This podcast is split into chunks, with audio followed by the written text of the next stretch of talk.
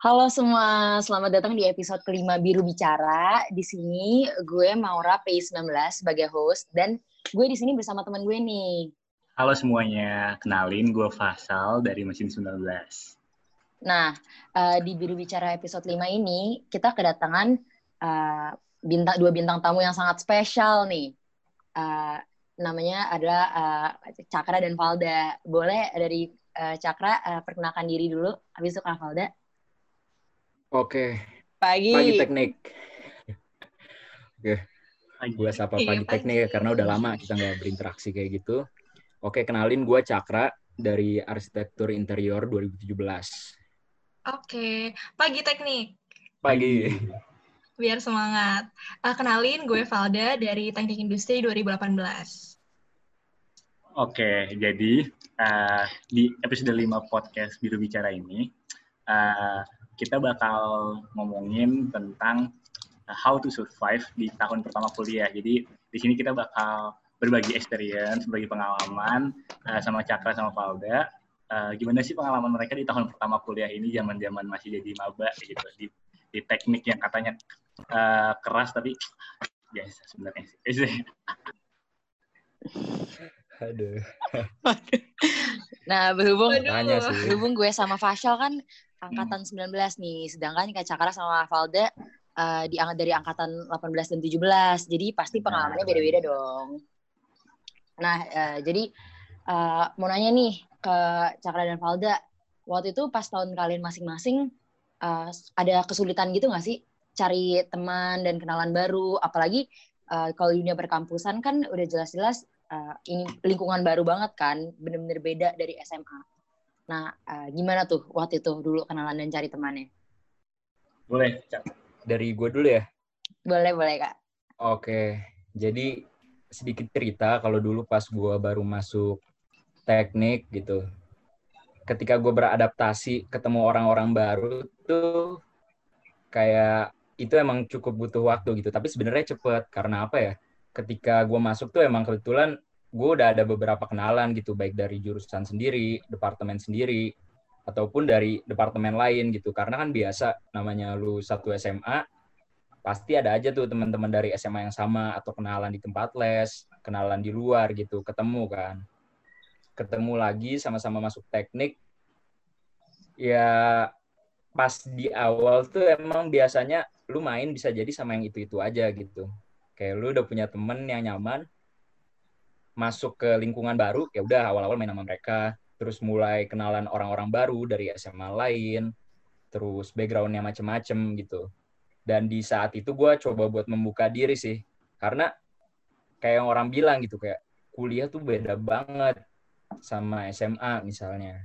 Ketika gue jalanin itu gue coba maksimalin momen yang ada lah gitu. Apalagi lu baru masuk orang-orangnya banyak sebisa mungkin gue benar-benar seterbuka itu gitu.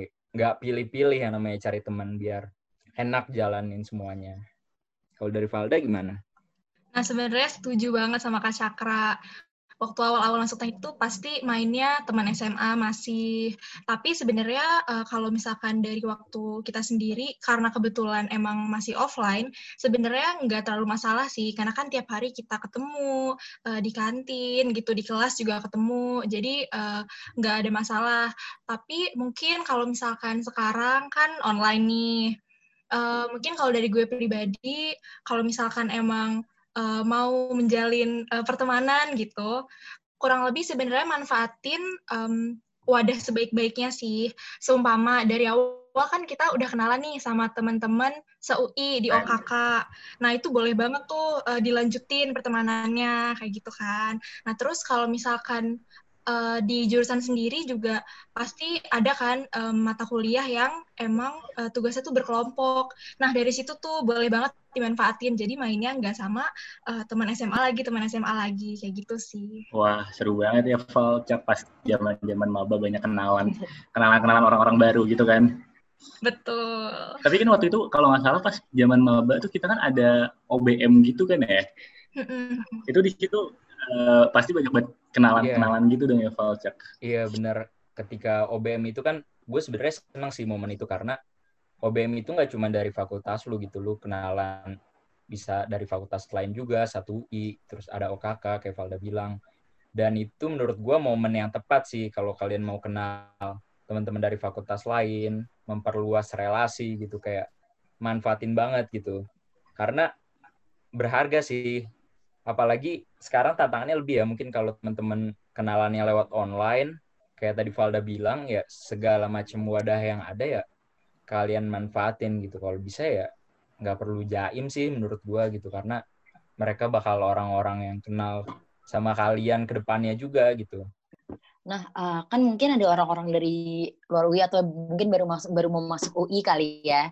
Atau mungkin ang angkatan tahun ini nih yang belum yang ya 2020, 2020. yang ada OBM. OBM itu sebenarnya apa sih? Val, coba uh, mungkin ada penjelasan tersendiri tentang OBM itu apa? Um, sebenarnya uh, intinya adalah masa orientasi sih masa orientasi jadi uh, enaknya tuh kita uh, diwadahin sama kampus kita sendiri buat uh, kenal sama teman-teman yang lain. Dan biasa sih biasanya kalau masa orientasi gitu pasti kita uh, diassign per kelompok. Uh, jadi kita bisa uh, kenal sama teman-teman paling nggak dari yang sekelompok kita dulu deh gitu. Sebenarnya mungkin uh, kayak gitu sih. Uh, mungkin Kak Cakra mau nambahin dulu? Kalau dari masa OBM itu menurut gue kalau dulu ya kita karena masih offline segala macem itu enaknya selain kita kenal dengan orang baru kita tahu benar lingkungan yang bakal kita tempatin tuh kayak gimana gitu gue yang tadinya belum kenal UI belum kenal kampus juga belum kenal teknik segala macam itu jadi jadi lebih tahu lah dan lebih terbiasa karena kan itu ibaratnya pengenalannya bukan cuman orang-orang baru tapi lingkungan yang baru gitu transisi dari SMA ke dunia kuliah. Hmm. Kalian gimana nih kalau kalian? Kalau gue sendiri sih ya nih bang, ini cak apa namanya? Kalau uh, kenalan sama apa namanya fakultas lain itu kan emang banyak di OBM di OKK gitu. Terus uh, pasti kalau di OKK gitu kan kita juga kenal ada mentor OKK lah kalau teman-teman uh, yang dulu tahu pasti ada kan dari situ juga uh, diajarin banyak kan tentang uh, gimana sih cara biar uh, bisa kenalan bisa beradaptasi di kuliah. Terus selain itu kan uh, banyak juga kan kita apa namanya uh, belajar uh, misalnya ada tugas-tugas gitu kan atau misalnya uh, apa namanya uh, kalau OKA kan ada tugas-tugasnya gitu di situ interaksi lah sama fakultas lain gitu. kalau mau sendiri gimana mau? Kurang lebih gara-gara kita di tahun yang sama ya, Shal, kurang lebih gue sama sih kayak lo, OBM. Apalagi kalau di OBM itu selain kita simulasi belajar di kuliah sama teman-teman fakultas lain, terus kan setiap kelasnya kita tuh ditempatin di fakultas yang random dan berbeda. Jadi acak gitu. Jadi pada saat OBM tuh kita bisa tahu juga sih, uh, ini di fakultas psikologi kayak gimana sih ruang kelasnya, di Fasilkom gimana sih ruang kelasnya? Jadi kita nggak tahu di teknik doang. Maksudnya kita nggak tahunya di teknik doang. Gitu. Sebenarnya agak di... Setuju. Ya. Gue mau nambahin dikit sih. Boleh, boleh, boleh. Ada yang seru banget gitu kalau gue lihat ya. Dari masa OBM gue lihat teman-teman gue waktu itu. Ternyata banyak juga gitu orang yang menjadikan ini sebagai ajang buat mencari gebetan Bener. baru gitu. oh. Banyak tuh teman-teman gue cowok lah ketemu anak fakultas lain cewek gitu kayak wah lu tahu kan anak teknik kan pada inilah semangatnya tinggi gitu mereka FK FK segala yeah. macem mengeluarkan segala teknis permodusannya mm -hmm. gitu kayak ada yang berhasil beberapa ternyata gitu ya itulah mungkin kelebihannya kesempatan ya Fashal gimana Fashal pernah mengambil kesempatan nggak? Oh, gue sih nggak uh, pernah sih. Gue pas OBM belajar aja kerjanya. Oh. Aduh. Halda sama Cakra ada pengalaman sendiri ini di OBM. Ada pengalaman apa? yang kayak Cakra ceritain tadi. Mungkin, mungkin. Gimana ya? Gimana tuh, Cak? Enggak sih, buat, tapi kalau dari masa OBM, kalau teman deket lumayan banyak gitu. Kayak gue sama mentor gue, sama teman-teman satu kelompok itu, jadi deket gitu tapi nggak sampai yang ke arah sana Bener-bener setuju sih. Uh, gue juga sama teman-teman hmm. sekelompok OBM, OKK tuh dulu masih ya follow-followan di Instagram, masih suka uh, chat juga kayak gitu. gitu ya. Uh, tapi nggak tahu ya sekarang kan gara-gara lagi pandemi corona gini, jadi uh, orientasi UI yang tadinya kita sebulan hampir sebulan juga kalau nggak salah kalau nggak salah jadi dipersingkat gitu ya waktunya. Sebulan. Bener atau enggak ya? Bisa jadi, bisa jadi. Jadi Iya, dipersingkat. biasanya sih Terus mungkin kegiatan-kegiatan itu. Iya. Jadi eh, nggak tahu ya apa masih ada OBM atau enggak mungkin masih Harusnya sih, ada. Bang. Namun eh, mungkin bentuknya dioptimalkan dalam bentuk lain gitu ya, tapi tetap namanya sama. Ya semoga. Padahal zaman-zaman Padahal zaman-zamannya padusan pad- paduan suara sama padu Oh, padahal seru banget kartu. itu Oh, iya. sih itu. Momen berharga gitu. Ngumpulin kartu men, wah kejar-kejaran sama menwa. Mungkin ada yang pernah di ketahuan cabut gitu, cabut padus atau semuanya mengikuti padus dari awal sampai akhir. gue cukup sering cabut sih dulu kalau boleh jujur gitu kan itu harus ngumpulin kartu ya dan pas masa-masa buat penukaran jakun kartu gue tuh nggak ada lengkap-lengkapnya tapi gue punya teman-teman dari angkatan yang cukup solid ya mereka berbagi kartunya gitu jadi kayak satu orang nyumbang satu kartu akhirnya lengkap tuh kartu bisa ditukar. Benar-benar. gitu Ah, nah mau nanya lagi nih, selanjutnya nih. Kan tadi udah kenalan sama teman-teman luar fakultas. Kalau misalkan kenalan sama anak teknik sendiri nih, atau departemen sendiri tuh gimana sih? Waktu itu awal-awal masih malu-malu, atau eh, pakai cara apa, atau misalkan kayak langsung kenalin diri aja kayak, halo, gini, gue gini-gini, kenalin. Kenalan gimana sih waktu itu, Kak, caranya? Mungkin dari Valda dulu apa cara dari gue ya kalau oh kalau dari gue waktu itu enaknya sih ketika belum masuk masa perkuliahan ada gathering ya biasa tuh tiap jurusan departemen itu ada kumpul-kumpul dulu sebelum mereka masuk kampus dan dari situ gue salah satu orang yang ngurusin buat persiapan gatheringnya sih jadi kenalan mau nggak mau gitu kenalan sama pengurus yang lain terus kenalan sama teman-teman angkatan itu momen yang cukup krusial sih menurut gua karena sebelum lu masuk ke kampus bareng-bareng seenggaknya satu sama lain udah tahu gitu walaupun belum dalam tapi tahu sama siapa Hmm. mereka bakal kuliah. Kalau Valda Benar sama. Jadi kebetulan gue di TI juga waktu itu ada gathering dulu. Jadi begitu masuk kampus sebenarnya eh, udah nggak awkward gitu, udah tahu juga satu sama lain.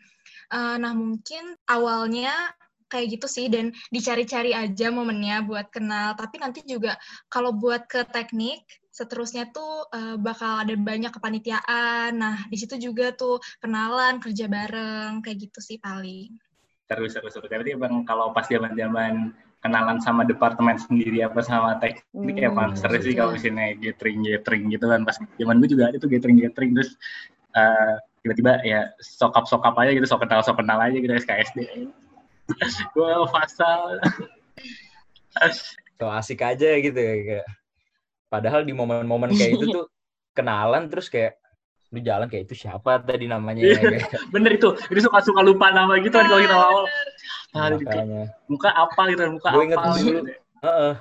Apalagi dulu pas awal-awal kenalan kayak ada temen-temen gue kayak cukup banyak gitu kan kacamata kerudungan itu kayak Oh wah iya, itu. gue udah Oh, kayak hafal tiba-tiba besok kayak kebalik lagi itu itu Susah. gue gue juga ngerasain kesusahan itu sih teman-teman yang kacamata kerudungan tuh kayaknya kelihatannya sama semua maaf banget gue agak susah Challenge. bedain namanya suka nggak enak nanya kayak maaf tadi namanya siapa ya? Harus gitu. Iya. tapi gue suka nggak enak gitu sih kalau misalnya apa namanya kita udah kenal terus nanya biasanya gue follow Instagram dulu nanti saya kira tukeran Instagram. Jadi dia nanti lihat dulu di mukanya kita lihat Instagram. Wah, gitu Itu modus nggak tuh? Aduh.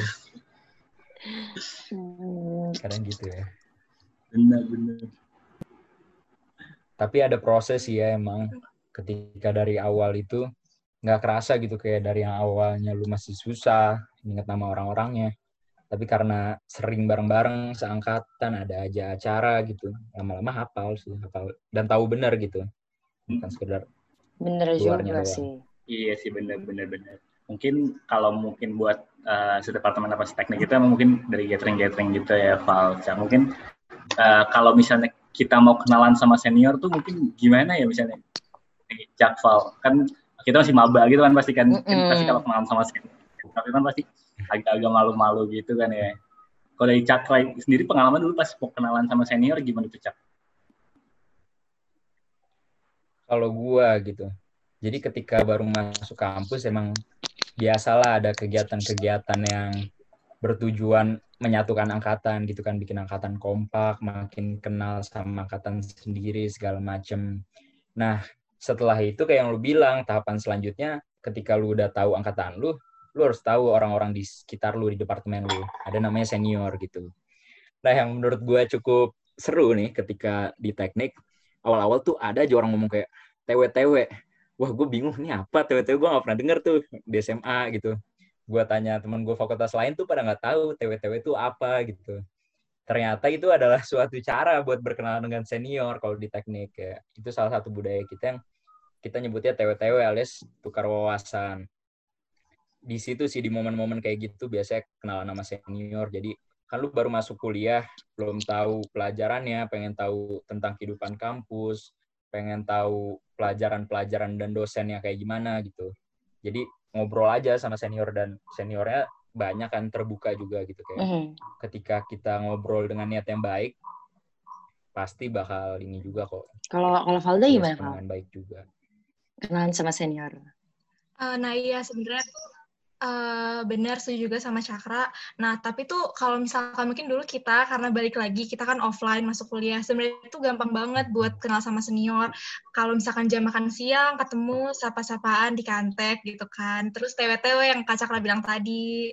Nah, tapi mungkin kalau misalkan sekarang uh, kan jarang ketemu terus juga kalau kelas kan kita beda gitu ya kalau sama mahasiswa baru. Mungkin uh, paling gampang Uh, itu sih sama mentor. Jadi satu-satu kan juga di OKK ada mentor. Terus juga biasanya uh, kegiatan orientasi mahasiswa itu tuh uh, kita semua tuh punya mentor. Nah bisa mulai dari situ minta dikenalin hmm. buat TW-TW sama yang Soalnya lain. kan gitu kalau dulu di SMA mungkin uh, sama kelas masih kayak ah takut gitu ya. Kan biasanya gitu. Tapi kalau di kuliah hmm. Mau nggak mau kita tuh emang harus lebih kenal dan akrab sama senior. Karena um, uh, karena itu karena kuliahnya kan lebih mandiri juga ya. Makanya uh, butuh tips-tips dosen dan tips-tips pelajaran yang kayak gitu dari yang senior senior yang udah kuliah lebih dulu daripada kita. Gue ngerasa gitu sih. Kalau lo gimana Shal?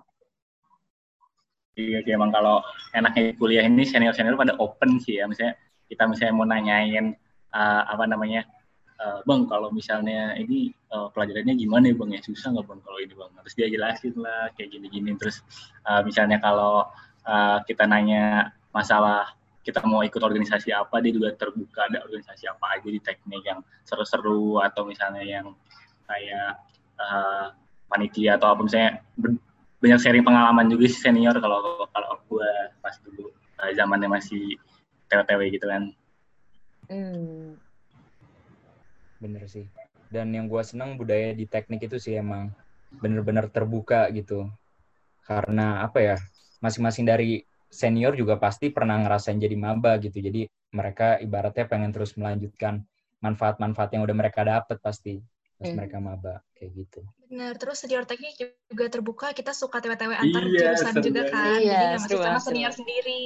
Benar. Hmm, emang. Jadi nanya politeknik tuh dengan adanya TW-TW ini kita kalau misalnya mau kenalan sama orang tuh uh, isi aja gitu saya mau TW gitu yeah. kayak jadi nggak nggak ada nggak ada malu-malu yeah, gitu yeah. kan misalnya jadi gak ada jadi nggak nggak perlu basa-basi kayak canggung-canggung kayak kak mau ngobrol kayak tinggal TW-TW oh pasti udah tahu maksudnya mau tukar wawasan gitu ya mau ngobrol lah ya gitu, gitu. enak lah nah benar benar wah Gak heran sih kalau dibilang solid ya teknik ya, ini. Mantap. Dari sini nah, juga. Gue mau nanya lagi nih Nah, uh, dari kan kita udah ngobrol ini kenalan sama fakultasnya beda, udah kenalan sama departemen sendiri, udah kenalan di teknik, kenalan sama senior. Uh, sekarang gue mau nanya agak beda dikit nih. Kan uh, di UI, misalkan UI aja, masa orientasinya kita merasakan hampir sebulan ya. Mungkin dari masa-masa orientasi itu ada nggak sih tugas tugas menarik karena karena selama itu pasti kita dapat tugas juga kan selain datengin padus ke balairung lihat um, uh, unit-unit gitu UI abis itu uh, gue mau nanya aja kayak misalkan gue nih gue uh, inget nih satu tugas yang berkesan dari kelompok OKK dulu ya. Soal tugasnya biasa dari OKK.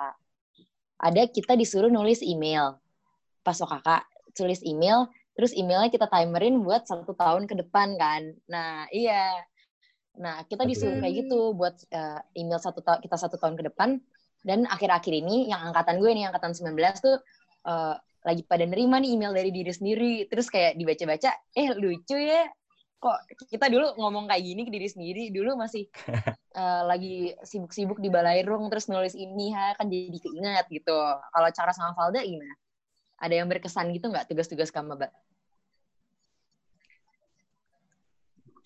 Lu gimana, Val? Um, Sebenarnya mungkin uh, bukan ke tugas kali ya, tapi lebih uh, momen yang berkesan. Jadi tuh uh, inget banget dulu perpisahan kelompok uh, OKK. Jadi istilahnya programnya udah selesai, terus pertemuan terakhir kita tuh duduk melingkar.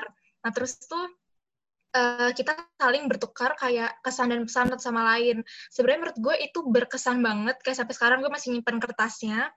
Uh, kayak dapat uh, pesan dari teman-teman yang lain.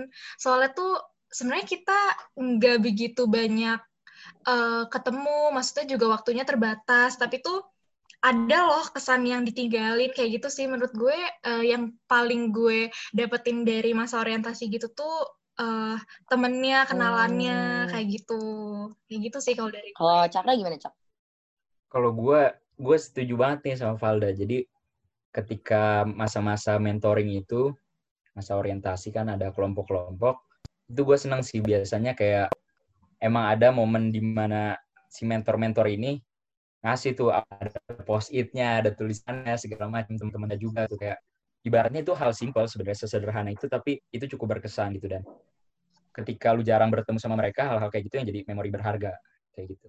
Bahkan gue masih deket sama mentor dan teman-teman gue gitu. Karena memanfaatkan waktu yang singkat itu semaksimal mungkin. Hmm. Sama paling mau nambahin kalau misalkan buat tugasnya, uh, menurut gue uh, SWOT SWOT itu uh, buat SWOT diri sendiri itu berkesan banget sih soalnya nggak tahu ya kalau misalkan di SMA ya? gue nggak ngeras gue nggak ngerasa uh, pernah benar-benar bikin list SWOT diri gue sendiri. Nah sedangkan begitu masuk kuliah dari OKK tuh kita disuruh bikin SWOT dan sampai ke depannya pun itu kita harus tahu gitu loh kayak dipakai terus dipakai terus jadi menurut gue itu berkesan sih. Mm -mm. Kayak gitu. Itu berguna hmm. banget sih ya SWOT ternyata. Iya, gue baru tahu pas kuliah sih jujur pas SWOT SWOT itu. SWOT. gue juga, Shal, kebetulan.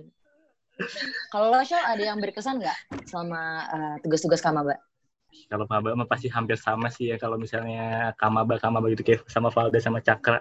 Banyak masalahin tentang apa namanya uh, tadi, tugas-tugas yang email mau Rabila. Emang seru banget. Oke deh. Makanya gue sebenarnya manfaatin sih karena emang waktu itu sempat ada yang beberapa orang bilang kayak, duh kalau orientasi kayak gitu beda-beda ya. Ada yang bilang seru banget, ada yang bilang ah gue mah nggak ikut segala macem gitu. Tapi gimana gue mau tahu itu seru atau enggak? Gimana gue tahu itu iya, bener atau enggak kalau gue nggak ikut langsung? Kita bisa nilai kalau emang kita udah ikut itu lah ya, capek. Karena kan kita tahu. jadi maba cuma sekali ya, iya, walaupun bener. mungkin males Dan banget nih sih. ngerjain tugas-tugasnya. Tapi uh, momen itu nggak akan terulang lagi gitu nanti kita bakal kangen kayak eh dulu lucu ya kita uh, kelompok OKK ngumpul ngerjain ini males-malesan tapi akhirnya udah lewat juga gitu.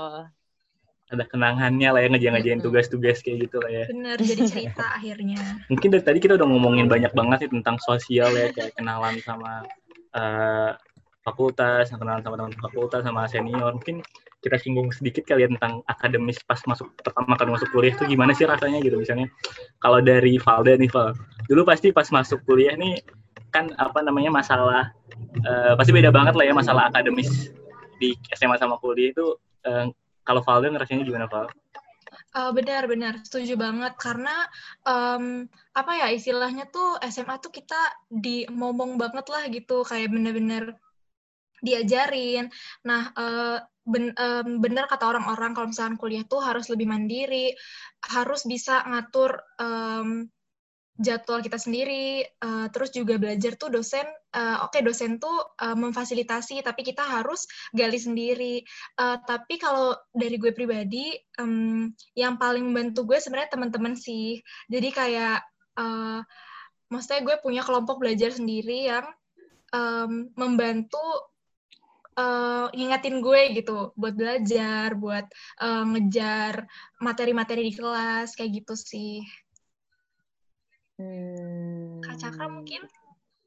Kalau dari gue ya ada suatu momen transisi yang menurut gue sangat penting gitu dan berpengaruh banget. Jadi ketika lu SMA, kalau gue biasa masuk tuh setengah tujuh kalau gue nggak salah ya mau nggak mau lu harus bangun pagi berangkat sekolah kayak jam enam udah rapi segala macem jam segitu tuh lu udah iya udah di sekolah udah aman gitu tapi ketika gue masuk kuliah gitu dengan jadwal yang variatif ini kayak ada yang jamnya jam 10 baru masuk ada yang jam 8 beda-beda kan justru gue malah jadi eh, sering kebablasan gitu pas awal-awal hmm. pas awal-awal masuk gitu kayak Bener. Jadi mikir kayak lu udah bangun pagi terus kayak ah kuliahnya masih jam segini. Tidur lagi lihat kasur kebablasan gitu. Gue inget bahkan kelas pertama gue tuh gue udah kebablasan. kelas pertama hari pertama gue akhirnya nyasar di teknik muter-muter kayak nyari kelasnya. Karena itu sih emang ada adaptasi dari jam tidurnya juga berbeda gitu bagi waktunya beda. Tapi ketika belajarnya itu seru sih kayak kata Valda bilang ada teman-teman lu yang ibaratnya bisa sama-sama kita nyobain sesuatu yang baru bareng-bareng jadi bisa saling support gitu dan gue kebetulan waktu itu ada studio kan studio itu kelasnya langsung rame-rame kayak itu ya udah kita benar-benar semester awal tuh masih gambar gambar segala macem. Itu bareng gitu yang kayak ngejar tugas yang numpuk deadline segala macem. Emang cukup berat tapi ada teman-teman jadi it's okay. Aman sih semua. Ya emang seru banget lah apa namanya uh, masalah kalau ngomongin akademis di kuliah tuh emang jatuhnya kan jatuhnya kita banyak banyak uh, bergadang gak sih kalau Valda sama Caka dulu pas mas zaman zaman maba ngerjain tugas dulu lu gimana? Iya, iya. Bener-bener yeah. sebenarnya kadang bingung juga sih kalau ngelihat secara jadwal. Kan dulu SMA tuh pagi sampai sore setiap hari Senin hmm. sampai Jumat. Sebenarnya kan kuliah kita nggak kayak gitu kan. Tapi nggak tahu kenapa tugas tuh rasanya berat. Kayak sampai malam masih ngerjain tugas. Padahal kuliah juga kayak gue tuh uh, maksudnya ada masanya kayak satu hari tuh libur gitu. Misalnya hari Rabu tuh libur total. Tapi tuh kayak tugas ada aja. Kayak gitu. Bener, -bener. Hmm. gue juga Kamis tuh libur total tapi kayak ya udah gitu tiba-tiba lewat tuh hari tiba-tiba udah hari nah, iya. tugasnya banyak ngumpul kayak yang namanya sistem super kebut semalam tuh sering terjadi gitu. Mana gitu. Oh sama kalau gue ya misalkan uh, zaman semester satu gitu. Dulu uh, kayak sama kayak Valda tadi bilang kita kan jauh lebih uh, Valda sama Cakra bilang tadi kan kita jauh lebih padat pas sekolah ya dari jam setengah setengah tujuh sampai jam tiga belum lagi kalau ada ekskul dan segala macam sedangkan beda-beda banget sama kuliah yang kita jadwalnya bolong-bolong banyak waktu luangnya. Tapi nggak tahu kenapa pas kuliah tuh kita jauh lebih capek. Nah gue bingung banget tuh di situ kenapa ya? Apa sih yang buat kayak gitu? Karena menurut gue ini sih kegiatannya tuh selain akademis lu di kelas ada aja gitu. Misalnya lu ada jam kosong gitu namanya ketemu lingkungan baru teman-teman baru pasti ntar ada aja kayak eh cabut yuk makan yuk ke sini yuk ke kutek yuk ke margo yuk gitu ambil nunggu kelas sebelumnya atau kayak ke kosan gue yuk kayak biasa tuh kayak sering terjadi. Apalagi pas awal-awal masih excited ya kayak gue pas maba tuh masih sering ke iya kantin fakultas lain pas istirahat keliling biar nyoba dimakan mana-mana gitu Marino kalau dari Cakra sama Valda dulu pas masa awal-awal uh, sempat ngekos atau emang ngekos gitu nggak sih? Hmm, kalau gue kebetulan semester satu itu gue ngekos gitu karena emang uh, pengen nyoba juga sih kayak uh, gimana sih rasanya um, tinggal sendiri gitu ngurus diri sendiri. Sebenarnya uh, rumah gue juga masih di Jakarta cuma tuh semester satu uh, orang tua gue juga ya udah nggak apa ngasih kesempatan buat ngekos karena ngelihat kok kayaknya anaknya masih berat ya. Padahal jadwalnya ya gitu gue bilang kosong tapi kok kayaknya capek capek capek. Jadi ya udah silakan nggak apa-apa deh ngekos gitu. Uh, dan apa ya uh, seru sih karena yang tadi Kak Cakra bilang kayak yuk kosan gue dulu yuk. Atau enggak kalau misalnya mau berangkat kelas pagi sarapan bareng yuk di warteg ini gitu. Kayak gitu sih. Sebut saja Bahari gitu ya. Betul. Bener bener bener. Tapi emang pas zaman zaman apa namanya kalau ngomongin uh, ngerjain tugas misalnya sampai malam gitu di kosannya temen apa di kantin teknik gitu di kantek tuh tuh jadi kangen masa-masa ngerjain tugas-tugas bareng gitu. Terus kalau mau quiz bis besoknya nih bergadang sampai pagi ya kan belajar nah, buat ngerjain latihan soal kalau mau quiz gitu. Guanya kan. sendiri sebenarnya nggak pernah ngekos gitu. Gua nggak pernah ngekos. Dan tapi karena lingkungan gua, teman-teman gua pada ngekos segala macem, jadi kalau lagi ngerjain tugas ya biasa gitu di kosan temen sampai malam atau sampai paginya kadang gitu. Karena rumah gua deket gitu, jadi kayak ya udah gitu gua pulang pergi tapi namanya tugas menumpuk banyak dan banyak juga yang biasanya kalau lu pulang ke rumah gitu nggak ngerjain sama teman-teman bawaannya tidur gitu kayak. Tapi kalau ada teman-teman lu kalau ada teman-teman lu at least bener, bener, lu lagi tidur ntar dibangunin gitu kayak ada yang maksa buat lu oh, iya, bener, selesai bener. ini gitu bener. kayak. itu sih.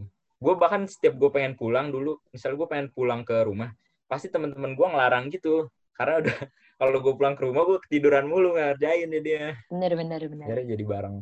Jadi inget masa-masa juga ya awal-awal dulu uh, pas masa orientasi uh, misalkan kutek kutek kalau udah jam-jam tertentu penuh banget baju putih-putih semua kelihatan oh ini maba-maba nih yang baru masuk nih. Iya. baju hitam putih Maba OBM nih, gitu ya. Pokoknya kelihatan banget lah ya yang baru-baru awal-awal. Nah uh, kan tadi kita udah ngomongin akademis udah ngomongin kenalan nih.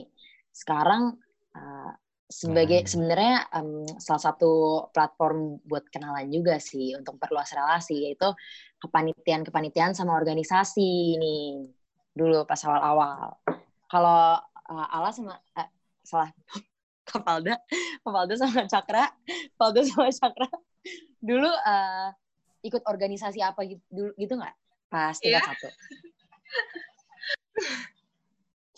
ikut. Ingat banget dulu panitian pertama yang uh, gue ikut itu volunteer dongsen. Iya nggak Kak Cakra?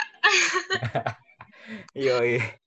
Bareng gue hmm. tuh. Aduh, aduh. Um, itu biasa sih tiap tahun uh, yang pertama uh, waktu itu gue milih buat uh, nggak uh, buat ikut volunteer dongsen itu. Nah, menurut gue itu uh, salah satu pembuka juga buat kenal sama uh, departemen lain, terus juga sama senior departemen lain. Kayak gue iya. ketemu Kak Cakra juga uh, di Dongsen gitu, terus juga ketemu sama uh, eh, BPH BPH gue di uh, BEM selanjutnya itu awalnya dari Dongsen dulu kayak gitu sih.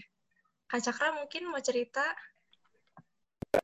Bener, gue setuju sih. Sebenarnya ketika lu masuk kuliah, dari apa yang gue rasain ya, itu emang jadwalnya udah cukup padat tadi. Terus kegiatan lu di luar akademis juga cukup padat tapi ya itu seru gitu. Beberapa orang mungkin bilang kayak aduh gue nggak mau keluar dari zona nyaman. Udahlah udah cukup gue di departemen aja gitu. Gue fokus di departemen fokus akademis segala macem. Tapi di satu sisi gue ngeliat gitu ketimbang gue bilang gue keluar dari zona nyaman gue lebih merasa sebenarnya gue memperluas zona nyaman gitu. Ketika gue kenal departemen lain kenal senior departemen lain cakupan bermainnya lebih luas relasinya lebih luas ke satu teknik itu tuh karena ada kepanitiaan itu menurut gue adanya kepanitiaan organisasi tingkat fakultas gitu.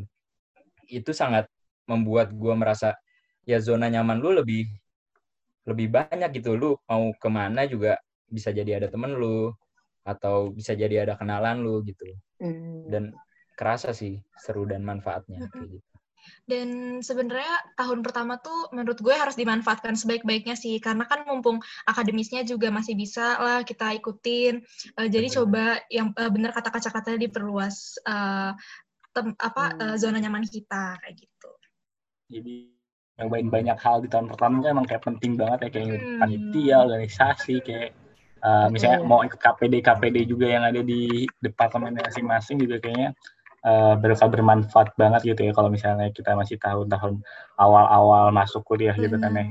Jadi emang kalau di kuliah tuh uh, banyak ya, banget ya uh, wadahnya buat uh, kita kenal sama orang lain, perluas relasi. Misalkan ada IM departemen, ada BEM, ada KPD juga yang kayak Faisal tadi bilang. Pokoknya banyak banget deh dan pokoknya jangan di jangan disia-siain lah kesempatan gitu ya Setuju. Iya. Yeah. Apalagi masih semangat-semangatnya waktu itu ya kayak. Jadi gue kayak Valda juga gitu baru awal terus ada dongsen kita tertarik namanya dongkrak seni UI kan kayak acara yang festival musik terus seru juga gitu terus ada acara-acara lain juga. Banyak kesempatan gitu di teknik tuh nggak habis-habis menurut gue namanya kepanitiaan namanya acara itu nggak habis-habis kegiatan. Jadi di tahun pertama emang kalau bisa ya sikat aja semuanya gitu karena ya tahun pertama lu ya cuma sekali gitu. Itu masa-masa lu bener-bener bisa memperluas pertemanan bisa memperluas pengalaman gitu kayak Iya, setuju. Sebenarnya panitia di teknik banyak banget ada kayak teknik open house, dongsen, aksioma, banyak banget. ya Namanya ada bermaga. aksioma gitu kayak macam-macam lah ya.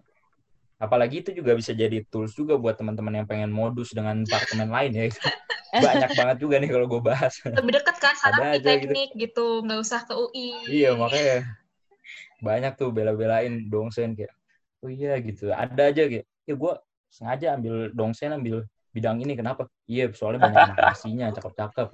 Ada. Wah. Wah. Jadi ajang ya ternyata. Makanya itu. Selain di kelas sih emang. Jadi kan emang ada kelas-kelas dan matkul tertentu ya yang bisa sama anak-anak dari departemen lain juga.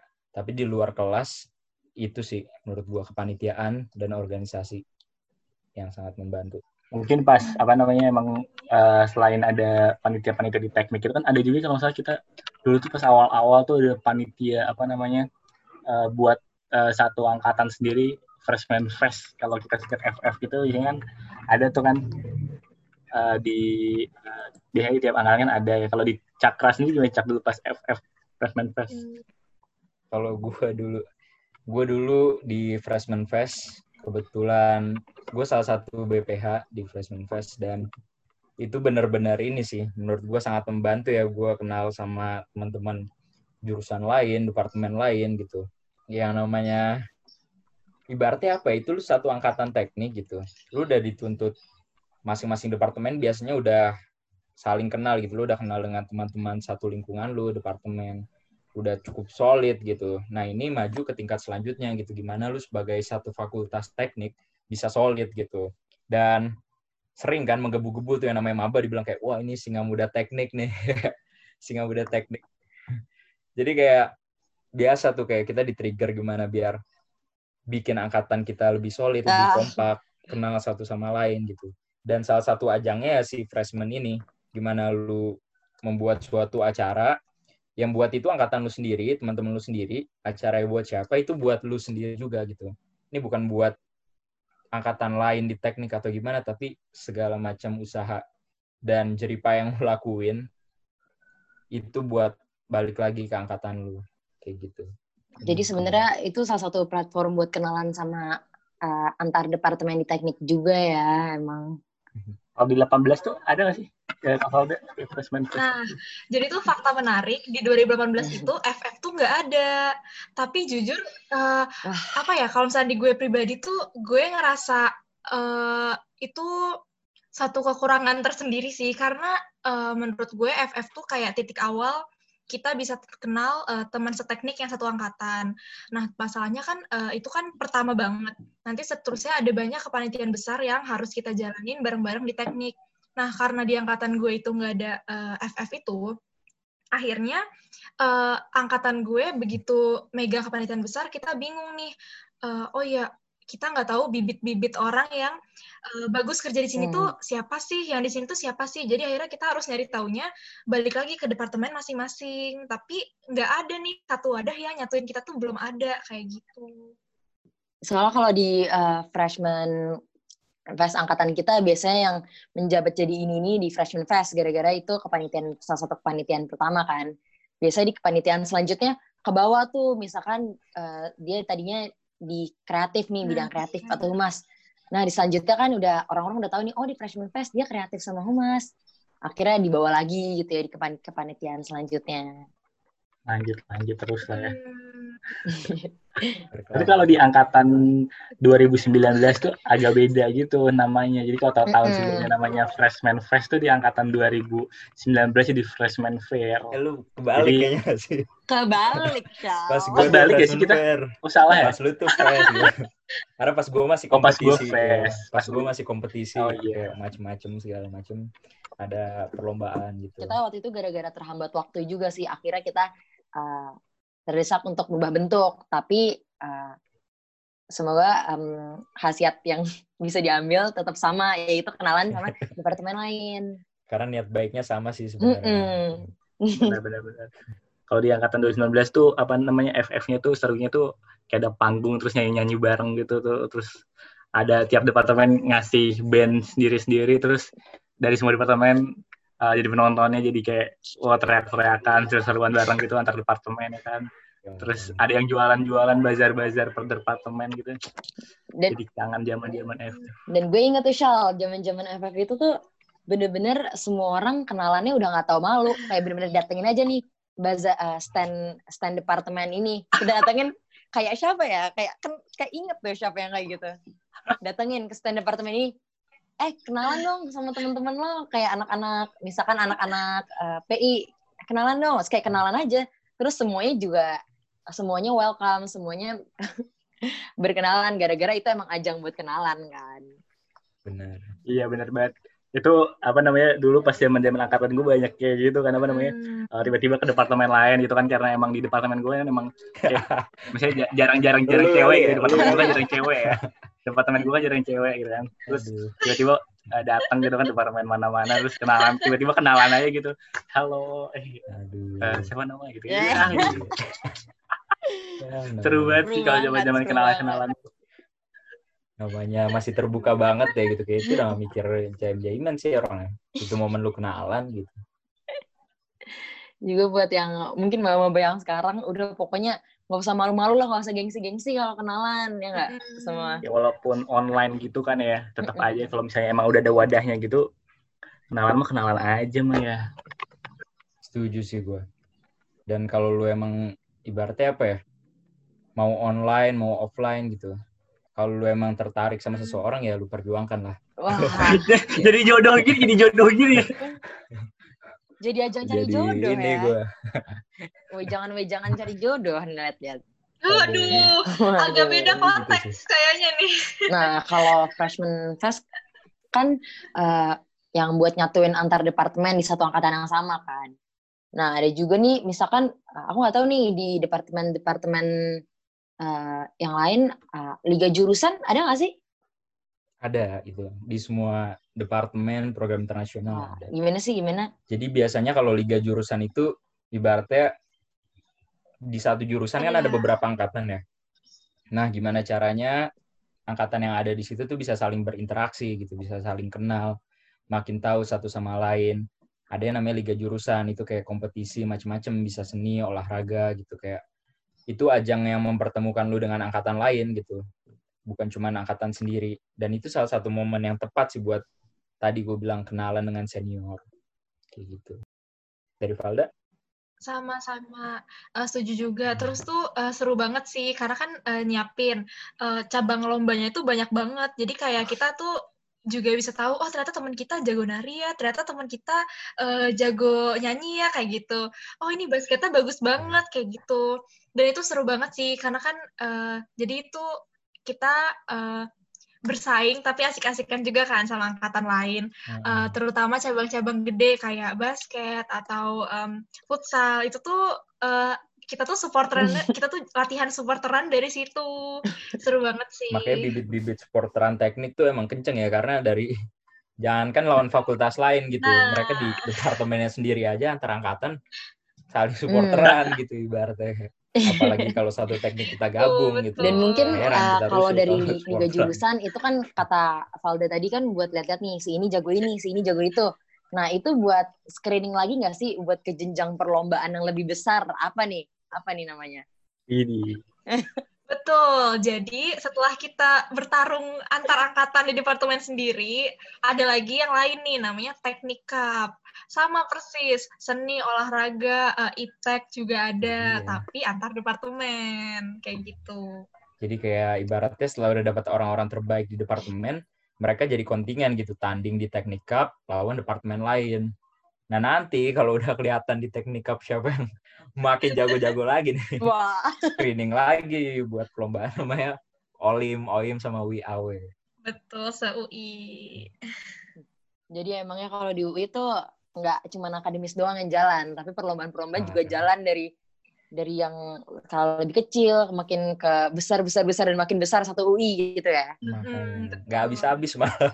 Bingung nggak Nggak selesai. udah lu udah capek kegiatan ini kelar segala macam seru ada lagi, lagi proker baru Kayak emang lagi seru banget sih kalau masalah kayak misalnya uh, FT gitu misalnya OIM UI gitu kan kan kita supporteran se FT gitu kan buat uh, OLIM gitu kan Uh, misalnya FT lawan FH terus supporteran sama bareng-bareng anak FT kan uh Wah. seru banget sih itu parah parah apalagi kalau udah kita nyanyi yel yel sama Mars kita kayak Uh, wah semoga 2020 kangen ya teriak-teriak di lapangan aduh Tuh. semoga 2020 gini. nanti ada lah ya iya, amin. amin Iya lagi gara-gara teknik Amin. cup tahun ini juga terhambat kan ya gara-gara Mm-mm. situasi. Jadi semoga tahun depan makanya udah selesai Dilanjutkan. kita bisa lanjut betul ya mungkin uh, apa namanya uh, setelah kita banyak uh, berbagi pengalaman gitu kan uh, zaman-zaman masa awal-awal kuliah di FT gimana gimana uh, menurut Cakra sama Valda nih gue mau tanya nih kalau misalnya momen yang bener-bener seru banget gitu menurut Cakra sama Valda tuh pas kapan gitu kayak berkesan banget gitu Iya, yang tidak bisa dilupakan sampai sekarang nih. banyak banget sih banyak banget ya sampai Banyak bilang banyak banget ya. banget aja Banyak banget itu pertanyaan yang susah ya menurut gue tiap orang kayak bilang lu momen lu di teknik yang seru yang mana banyak banget cuy kayak definisi sebanyak itu mau sama temen satu angkatan satu jurusan terus satu departemen terus lu teknik cup terus di tingkat UI kayak seru banget itu kayak segala macam budaya dan hal-hal yang dilakuin di teknik tuh menurut gue seru banget. Hmm. supporteran sih ya kalau gue boleh highlight. Supporteran setuju supporteran. setuju. Supporteran ini aduh itu definisi bisa ngebakar semangat semua orang sih gitu. Kayak ya lu boleh lihat ada aja gitu orang-orang yang misalnya dia pendiam segala macam dia nggak begitu aktif atau gimana tapi kalau udah teriak-teriak di lapangan bisa gitu. Ya kayak ke bawah juga semangatnya gitu. Bener-bener ini. Kalau paling sama ini sih. yang gue namain dikit ya.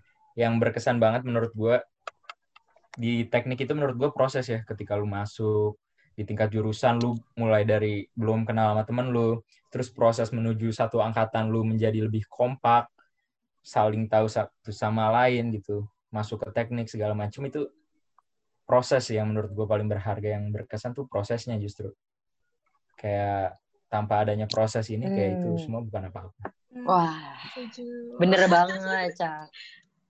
Nah, karena kita ngobrol-ngobrol udah lumayan lama juga nih, nah gue mau tutup aja nih dengan kalimat-kalimat dari Cakra sama Valda sebagai bintang tamu kita nih hari ini. Ada eh, ada nggak sih pesan kesan dan pes, pes- jangan kesan deh. Pesan-pesan dari dari Cakra sama yang dari angkatan 17 sama 18 buat uh, maba angkatan 2020 nih. Apa nih yang tidak boleh dilupakan sebagai maba? Yang harus dilalui Mm-mm. Pesan khusus khusus buat, mereka yang baru gitu, Val. baru banget mulai nih. Buat khusus. Em, mungkin dari gue dulu kali ya kak. Kan kak Cakra udah lebih berpengalaman nih nanti. Boleh. Aduh alias tua. Alias tua. Em, sebenarnya kalau menurut gue nikmatin aja nikmatin tahun pertama. Karena eh, yang udah dibahas berkali-kali juga cuma sekali gitu dan sebenarnya kalau misalkan eh, kayak sekarang gue udah masuk tahun ketiga tuh kalau diinget lagi diputar balik tuh kayak oh iya ternyata dulu tuh kayak gini ya. Kayak diinget-inget tuh eh, seru buat cerita sama teman-teman juga. Em, dan nggak usah khawatir kayak perihal akademis dan non akademis karena kalau misalkan menurut gue di FT sendiri dua-duanya tuh oke okay gitu. Dan kebanyakan orang juga uh, aktif uh, di dua-duanya uh, non akademis akademis jadi kayak kalian tuh minatnya apa uh, silakan dipilih. Maksudnya kayak ikutin minat kalian. Uh, dan masih mumpung tahun pertama juga yang gue udah bilang tadi uh, manfaatin wadah sebaik-baiknya. Tapi yang perlu diingat tetap harus tahu um, apa ya kemampuan diri kalian sendiri. Jangan sampai oke okay, ikut semuanya tapi ngedrop. Atau kayak nggak kuat jalaninnya kayak gitu. Jangan sampai hmm. juga uh, Mm-mm, paling itu aja sih dari gue. Kacakra gimana? Kalau dari gue ya, ibarat orang bilang live in the moment gitu. Uh, Ketika lu masuk teknik gitu, semua hal yang bakal lu lewatin, semua hal yang bakal lu laluin, gue gak bilang itu gampang gitu. Tapi yang pasti itu bakal worth it gitu. Dulu ketika gue maba, sebelum gue memutuskan gue ikut himpunan, gue ikut BEM, gue ambil macam-macam kegiatan, gue baca salah satu tulisan waktu itu ada di websitenya BMFTUI di bidang kemahasiswaan. Penjelasannya gini doang kayak I'm not telling you it's going to be easy, but it's going to be worth it gitu kayak. Wow. Dari awal gue udah mikir gitu kayak oh ini kata orang-orang yang udah melalui ini kayak nggak ada yang bilang ini bakal gampang gitu tapi ya ini bakal worth it dan gue coba ambil pilihan itu dan bener gitu jadi kalau kalian khawatir misal dengan akademis kalian nggak bisa bagi waktu, kalian khawatir nggak imbang segala macem. Ada orang yang pernah bilang ke gue dulu, salah satu ketua BMFTUI, dia bilang kalau lu bingung antara bagi akademis dan non akademis, misalnya ada yang bilang ya itu 50% 50% gitu. Gue nggak begitu setuju akan hal itu gitu. Kenapa? Karena itu dua hal yang berbeda. Kenapa nggak lu total 100% di akademis dan lu total 100% di non akademis gitu kayak. Hmm lu bisa ngasih yang terbaik di setiap bidang yang lu tempuh gitu. Dan satu lagi, gue mengutip juga salah satu perkataan ketua BEM UI waktu itu. Dia bilang, lu tahu nggak kenapa IPK di kelas maksimal 4 gitu? Ada yang tahu? Kenapa tuh? Gimana tuh? Gimana tuh? Dia bilang, ya iya karena 96 lainnya lu dapat di luar kelas. Dia bilang wow. kayak gitu. Wow. Wah ini. Life lesson dari Kak Cakra. Parah nih gue Parah keren kayak... banget sih. gue gue dengar kata-kata itu gue mikir kayak wah ini menarik nih gitu kayak akhirnya saat itu gue memutuskan gitu kayak gue nggak fokus di akademis doang tapi gue memperluas zona nyaman gue dengan gue ikut macam-macam kegiatan dan ketemu berbagai macam orang kayak gitu jadi tetap semangat sih intinya buat apalagi mahasiswa baru ya singa teknik singa muda teknik Semangat ya, 2020. Nah, mungkin uh, uh, gue sebagai closingan uh, mau ngasih pesan juga kali ya. Gue setuju banget tuh sama kayak uh, kayak yang Kak Cakra dan Kak Valda bilang tadi. Apa yang Cakra tadi dia ngomong tentang gue dengar juga nih dari seorang mantan ketua BEM yang bilang tentang kalau mau ngelakuin banyak hal dalam satu waktu jangan 50% 50% tapi 100% dan 100%. Gue setuju banget sama hal itu dan um, untuk maba mumpung masih tahun pertama nih masih fresh freshnya nih harus memperluas relasi sebanyak mungkin. Jadi uh, kalau bisa sih ikutin aja semuanya mungkin organisasi uh, seperti IM dan BEM walaupun lo nggak pede. Ah takut nggak keterima ah takut sibuk ah takut uh, takut akademis gue nggak kepegang. Itu menurut gue kalau lo udah kecemplung di sana pasti lo akan lo akan belajar malah dan terus lo malah akan belajar untuk nge-improve diri sendiri. Malah itu harus jadi pacuan bukan ditakutin kayak gitu. Kalau Fashal gimana Shal? Bener banget nih kalau pesan gue buat 2020 sih ya. Uh, menurut gue uh, selama jadi maba uh, ikutin aja apa yang lo mau ikutin. Nggak uh, usah takut uh, takut sibuk nggak usah takut uh, nanti nggak kepegang. Pokoknya ikutin aja, daftar aja kalau emang minat uh, dan kita nggak usah takut misalnya uh, apa namanya nanti malah uh, sibuk banget. Sebenarnya kayak gua sendiri tuh kayak banyak banget ngikutin pas zaman maba dari panitia, dari uh, BEM, IM, semuanya sampai KPD juga gue ikutin dan semuanya uh, dengan time management yang baik pasti uh, bisa kita uh, atur waktunya gitu. Jadi karena uh, semuanya tuh haruslah kita uh, time management yang paling penting dan uh, terus semangat buat FT 2020. Semangat semua. Mantap. Oke, uh, sekian dari gua uh, Fasal sebagai host uh, Biru Bicara. Dan gue Maura sebagai host hari ini. Juga makasih sama kedua bintang tamu kita yang udah mau diajak ngobrol-ngobrol nih, Valda sama Cakra. Makasih banget atas Thank you Valda, Cakra. Makasih juga. Thank you juga Terima kasih semuanya. banget nih atas uh, tewe-tewenya hari ini. Uh, terima kasih juga semua yang udah dengerin Biru Bicara episode 5. Semoga yang apa yang kita omongin dapat memberi insight-insight baru dan dapat bermanfaat bagi semuanya. Sampai ketemu di Biru Bicara episode berikutnya. Dadah. Dadah.